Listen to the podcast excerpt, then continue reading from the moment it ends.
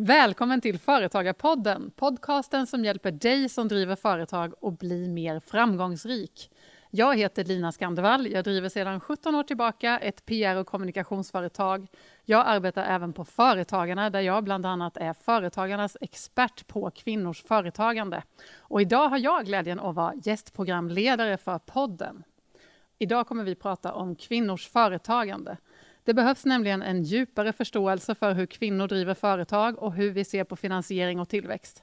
Det visar en ny rapport som Företagarna varit med och tar fram tillsammans med Tillväxtverket, Enterprise Europe Network och Almi. Men vad är det som krävs? Det ska vi diskutera i veckans avsnitt av Företagarpodden. Vi säger varmt välkomna till Julia Delin, VD för SSC Business Lab, Handelshögskolans inkubator i Stockholm. Och hon har även grundat och lett startupen Simply Events. Varmt välkommen hit Julia. Tack så mycket Lina. Och med oss har vi även Sandra Kastås, författare till boken Bli företagarinna som uppmuntrar fler kvinnor till att våga starta företag. Hon är även ordförande för branschföreningen Svenska PR-företagen, har grundat PR-byrån Orakel och nu är du även grundare av ett företag som heter Diversity Board. Precis, och den vill jag gärna att du pratar lite mer om. Mm. Uh, ja, nej men jag har, uh, det är väl mitt tredje eller fjärde bolag um, så, som heter Diversity Board som jag har grundat tillsammans med en uh, kvinna som är 20 år äldre som var min mentor från början. och vårt mål är att få fler, mer mångfald in i maktens korridorer egentligen och det kommer vi göra genom att Eh, ha ett, eh, en parallell styrelse eh, i olika bolag som vi kallar Diversity Board eh, och har rekryterat en pool som vi just nu har 70 eh, poolmedlemmar i som är allt annat än Arne, Knut och Orvar från Bromma eller Sollentuna som det ofta ser ut i styrelser idag. Eh, så att, ja, det är lite kort Kul! Och Julia, jag vill jättegärna att du också berättar lite mer om SSC Business Lab. Ni har ju kläckt ut Voi, alla möjliga bolag och nu ska du få in kvinnorna på samma spår. Hur jobbar ni med frågan?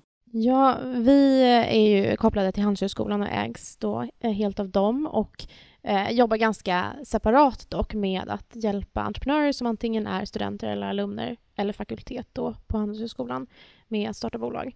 Och eh, i början av 2019 så bestämde vi oss för att det här med mångfald verkligen måste finnas med i även tidiga processer. Det ska inte bara vara någonting som man fokuserar på när bolag är redo för att resa riskkapital till exempel. Och eh, då satte vi faktiskt krav på vårt inkubatorprogram att man måste ha ett team av mångfald. Och i första hand så utgår vi då ifrån kön och etnisk identitet när vi frågar bolagen om just hur de ser på hur deras team är, består av mångfald.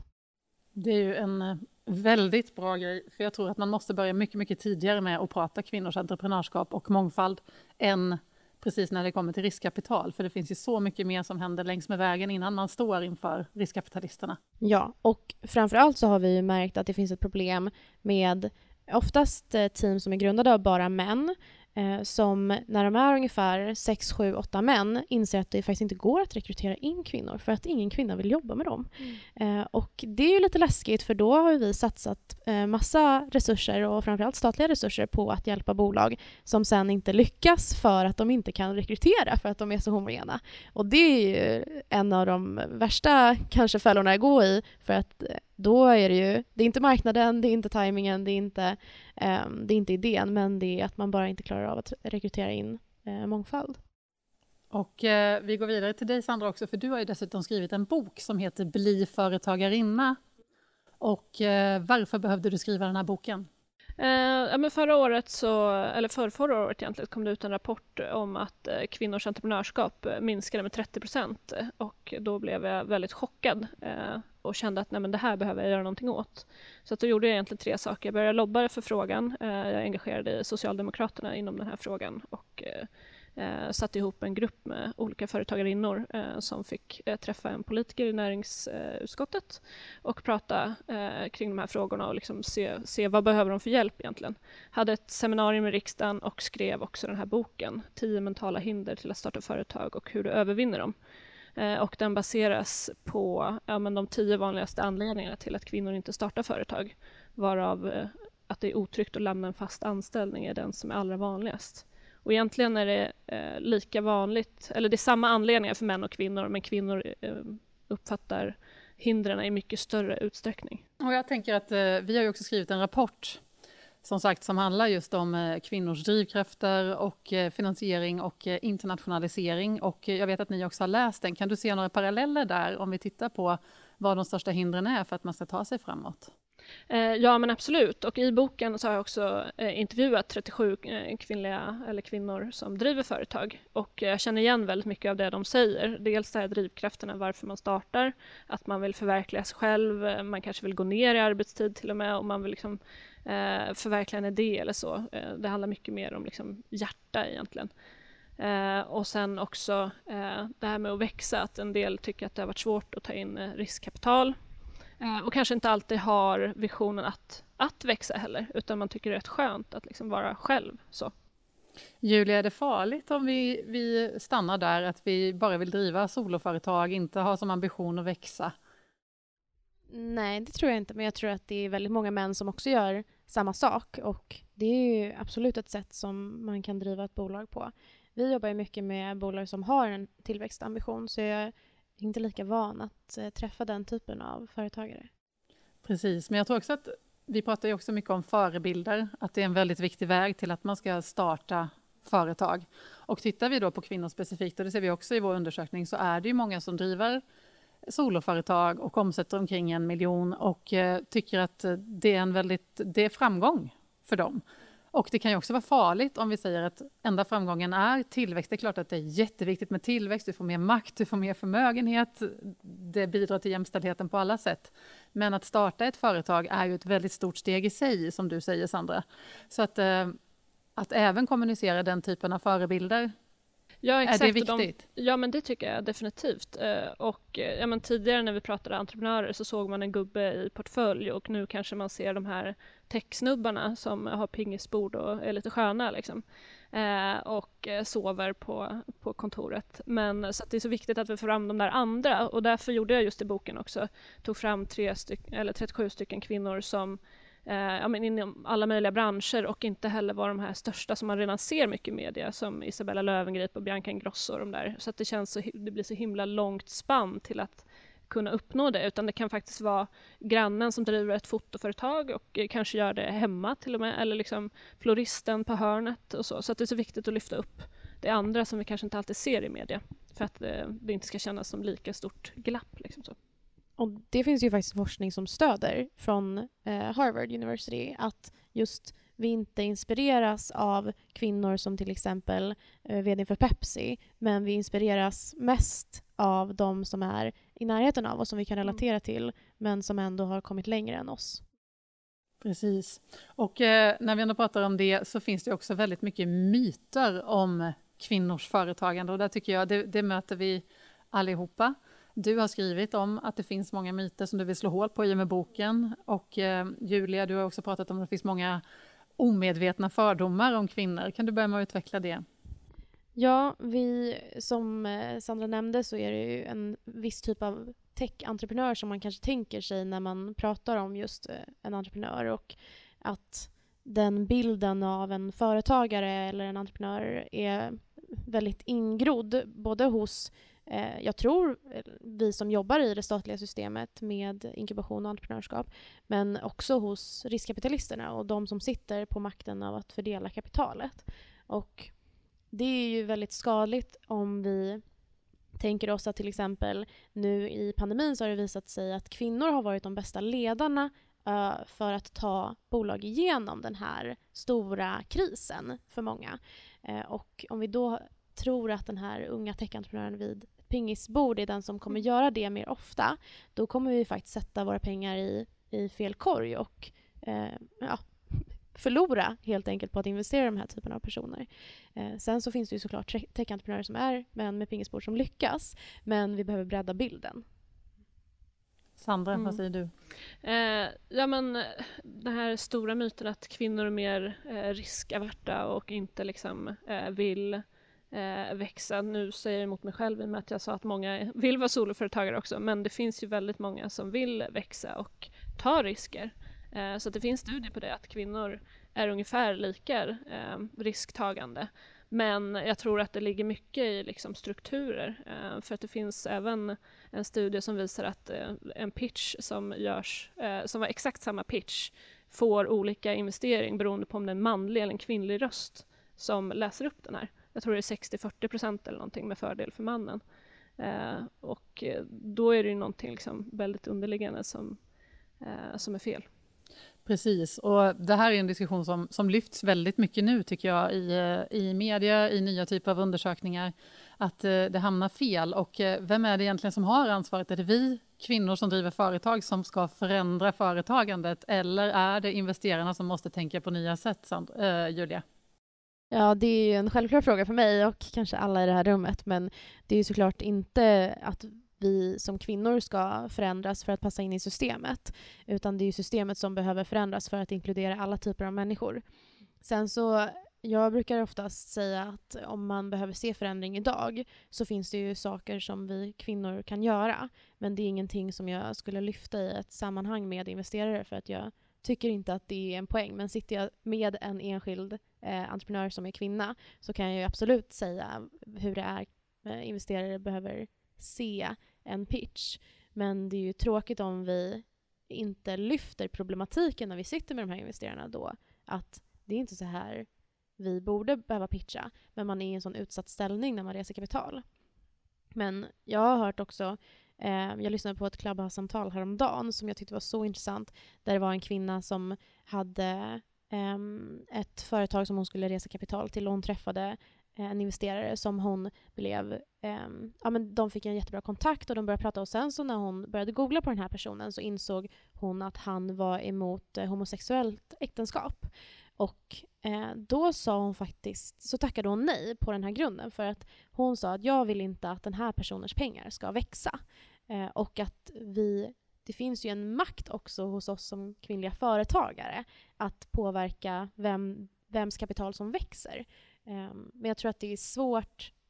Det är ju en, det är en svår avvägning om man väl behöver resa kapital.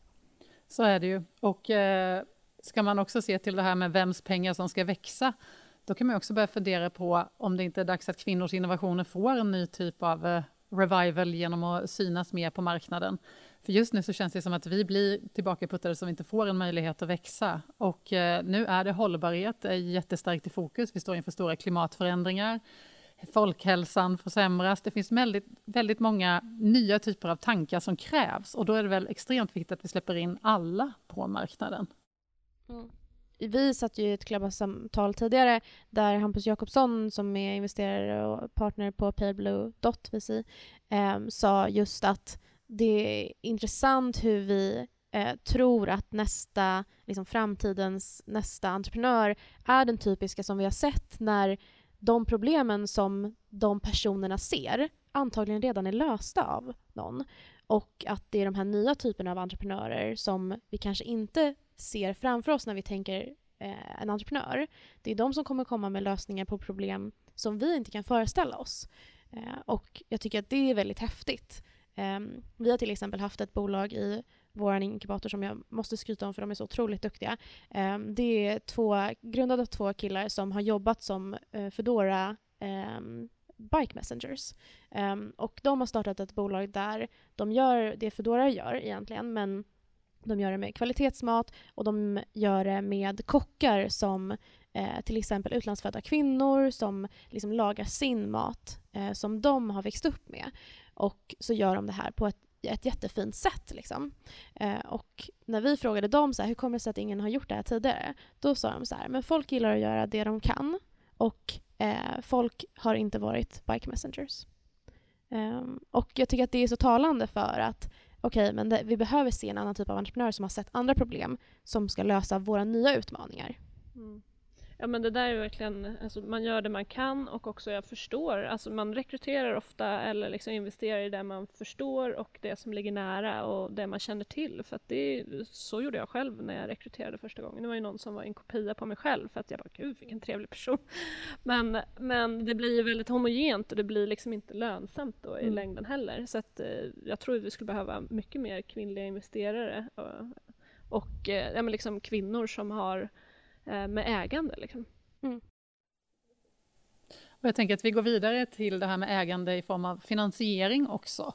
Eh, och pengar. Vi måste våga prata pengar mycket mer. För det ser vi väldigt tydligt i undersökningen också, att kvinnor är, har dels inte kunskap om vilka typer av finansiering som finns. Dels så har man ofta sparat eget kapital för att kunna starta företaget istället för att bara köra. Vi, vi bygger upp en grund först och du pratade lite om det också innan Sandra, att eh, många behåller sin anställning i början för att kunna ta sig ut för att tryggheten är det stora läskiga och vi ser också att kvinnor är lite mer skeptiska till att ta in extern finansiering för att då är det någon annan som börjar bestämma över ens företag. Det kanske inte var därför man ville starta företaget från början.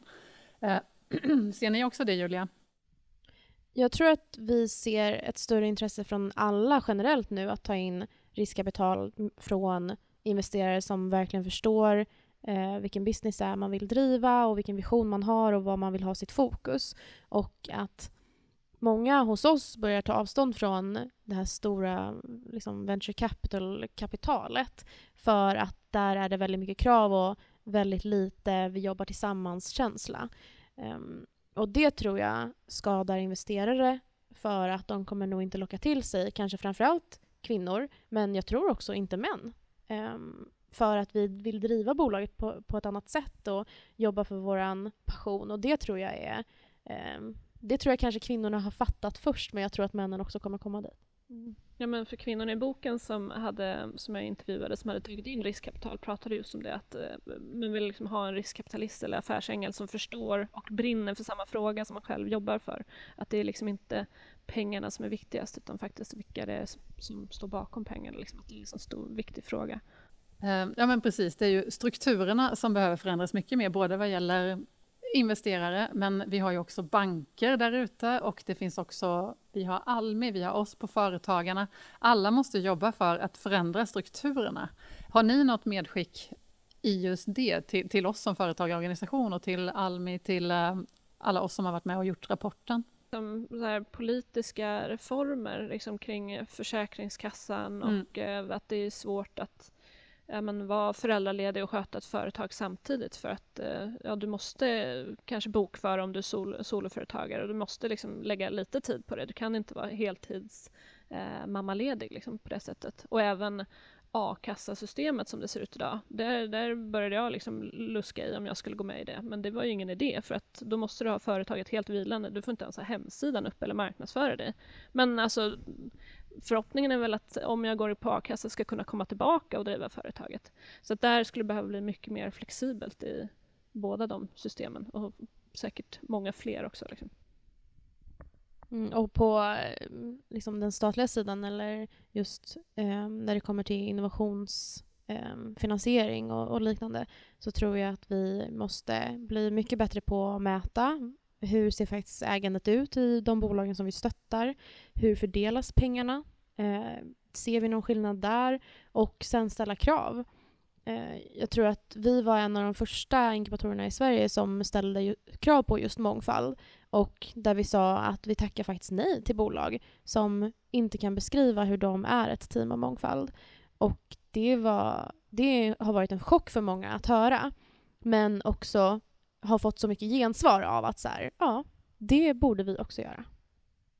Eh, sen har vi också en annan fråga som vi också ser jättestarkt i vår undersökning för hur man ska ta sig framåt och då är det nätverkande, att man känner att man kommer inte riktigt in i rätt typer av nätverk. De nätverk som finns har inte alltid det starka fokuset på just business och man efterfrågar helt nya typer av system där. Har ni några exempel på vad som skulle... Har ni sett någonting där, till exempel du Sandra i din bok? Alltså jag har ju sett att, eh, och hört att väldigt många eh, vill ha nätverk eh, så, och använder sig ofta av det och träffar andra entreprenörer. Det är väl framförallt andra entreprenörer som man kan kroka arm i arm med, speciellt om man är en mindre företagare också. Men hur nätverken skulle behöva se annorlunda ut, det vet jag faktiskt inte riktigt utifrån jag har inte riktigt koll på hur de ser ut idag eller liksom vad det finns. Så. Um, ja. Jag tycker att det här är väldigt intressant för jag är faktiskt emot eh, nätverk för kvinnor. Och det brukar ofta vara en chock för många.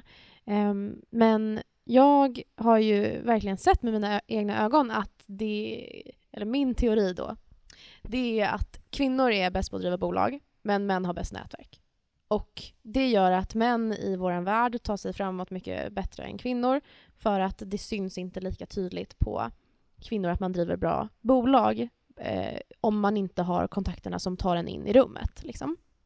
Och här tror jag att om vi fortsätter att sätta, eh, skapa separatistiska nätverk för kvinnor och män, då kommer kvinnor eh, absolut bygga nätverk med andra kvinnor, men de kommer inte nå de här nätverken som männen sitter på, som oftast är de här riskkapitalistsnubbarna som de känner för att de är vänner eller de tycker att det är kul att hänga med varandra, typ. Um, och vi behöver istället prata om att skapa nätverk där kvinnor också känner att de kan ta plats. Men det borde vara en självklarhet i alla nätverk att det är inkluderande nog för vem som helst, oavsett vem man är, att få prata, att synas och att kunna räcka upp handen och känna att så här, här kommer det som jag säger tas emot på ett vänligt sätt och jag kommer inte liksom bli nerslagen för att jag är kvinna till exempel. Eh, och det tycker vi pratar för lite om. Att alla eh, organisationer och alla situationer och alla nätverk som vi skapar, de måste eh, inkludera alla eh, oavsett. Och det är, liksom, det är ju upp till nätverket att verkligen se till att det är så. Annars kommer man ju tappa jättemycket kompetens. Mm. Men jag tänker, det känns som, men nu, det har jag inget bevis för, men det känns som att kvinnor är bättre på att nätverka och socialisera med varandra. Men då kanske vi gör det på samma nivå och män tittar sig liksom mer uppåt när de nätverkar. Eh, så att det är kanske där eh, Det tror jag också. Och eh, jag har ju suttit och gjort flera av de här djupintervjuerna i rapporten och eh, det är inte så att du har en provokativ åsikt där Julia, kan säga. Det är många fler som efterfrågar det här. Um, och inte minst för att de säger visst kan det vara viktigt med våra nätverk. Vi kan ha frågor som vi hjälper varandra med att få svar mm. på, men det är inte där du gör business. Mm. För ofta är det företag i samma storlek. Du kanske köper lite tjänster, men det är inte någonting som får företaget att lyfta ordentligt. Och där kan det också vara så att det behövs eh, företagsledare in i nätverken också. Det behöver inte alltid vara företagare som gör business med företagarna. Vi kanske vill ha de där stora företagen också. Jag har suttit i ett nätverk som jag tyckte fungerade väldigt bra. Det var bara kvinnor, men det var från väldigt olika positioner. Mm. Jag tror det var tre entreprenörer totalt. Och det var säkert fem år sedan, men jag är fortfarande kvinnor som hör av sig till mig som, som var en del av det nätverket. Som bara, men Lina, det här kan ju du, kan inte du börja prata med den personen? Mm. Så visst finns det möjligheter tror jag, om man, om man tänker på nya sätt så det inte blir för homogen grupp ens i, i vad det är för typ av nätverk det handlar om. Mm. Och sen tror jag också att, att männen har en jätteviktig uppgift också i allt det här som vi pratar om nu att de måste släppa in oss i nätverken. Man måste tänka annorlunda. Det är inte jättekul när största pitcheventet som finns i Finland kör bastupitchar. Det, det händer alltså. Eh, eller att det är golfbanan som gäller eller paddel. Ja, fast det funkar inte för alla. Tänk om lite där, för att jag tror att väldigt många män också vill få in fler kvinnor. Men eh, det gäller att hitta rätt vägar och kommunicera det på rätt sätt och tänka på nya sätt. Mm, mm. mm. Och där tror jag också sådana mentorprogram är väldigt viktiga, alltså som en del av nätverkandet. Att, ja, men just att man har olika nivåer eller liksom kan lära av varandra. Och jag pratade med Almi eh, bland annat som ja, men har mycket mentor, mentorering men det är väldigt få som använder sig av det eller kanske ens vet om det. Så att bara att det finns måste kommuniceras ut mer för det finns ganska mycket hjälp att få i olika inkubatorer och eh, ja, nyföretagarverksamhet och sådär. Men det är få som känner till det tror jag också. Mm. Julia, kan det vara en fördel att ha en man som mentor istället för en kvinna? Jag tror ju det. Um, men jag tror att man kan behöva olika personer för olika syften. Um, jag kanske skulle välja att ha en man som mentor som öppnar dörrar åt mig men jag kanske skulle bolla mina personliga utmaningar som kvinnlig ledare med en annan kvinna. Och där tror jag också man måste bredda bilden av vad ett mentorskap kan vara och speciellt om man letar upp mentorer själv. Att man formar sitt eget mentorskap. Och Almi och eh, inkubatorer är väldigt bra för att få mentorer som man inte hade nått annars till exempel. Men jag tror att det är fullt möjligt att eh, LinkedIn-meddelande eh, genom LinkedIn-meddelande hitta mentorer på egen hand också. Precis, för jag tror att de, de att våga tänka på det sättet är väldigt viktigt. Tittar jag tillbaka på mitt företagande så, så vet jag att de två som hjälpte mig mest i början var två män som såg mig och trodde på mig och lyfte in mig i rätt nätverk och sen fick jag ju dansa själv där. Men de tog ändå in mig dit och det byggde viss legitimitet åt mig initialt och även i hur jag skulle våga ta betalt och pusha det. Liksom. Så att eh, nog kan det vara viktigt. Det kan vara en kvinna som har sagt det här till mig också och hjälpt mig in. Men, men jag minns det väldigt starkt och jag känner att det har också gett mig en ny typ av eh, synsätt redan från start. I att kör inte du på det här sättet kommer du inte framåt. Men då kommer vi tillbaka alltså, till att frågan är väldigt komplex. För jag ska inte behöva förändra mig utifrån hur de säger utan jag ska fortfarande fördriva det på mitt sätt. Men vissa, vissa punkter i företagandet är väldigt viktigt att få höra i en väldigt tydlig fas tror jag.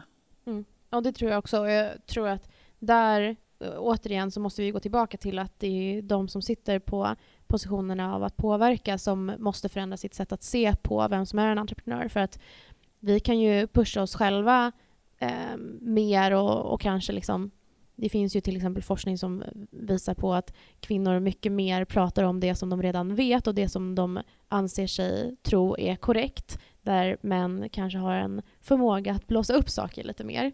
Och att, eh, att förstå den skillnaden är, är viktigt. Och det är ju såklart att vi måste pusha oss själva i att ha höga mål. Eh, men jag tror inte att det är det som är problemet. Jag tror att det är människor med makt som måste förändra sitt sätt att se på hur eh, olika personer presenterar olika saker och, och bredda bilden av det.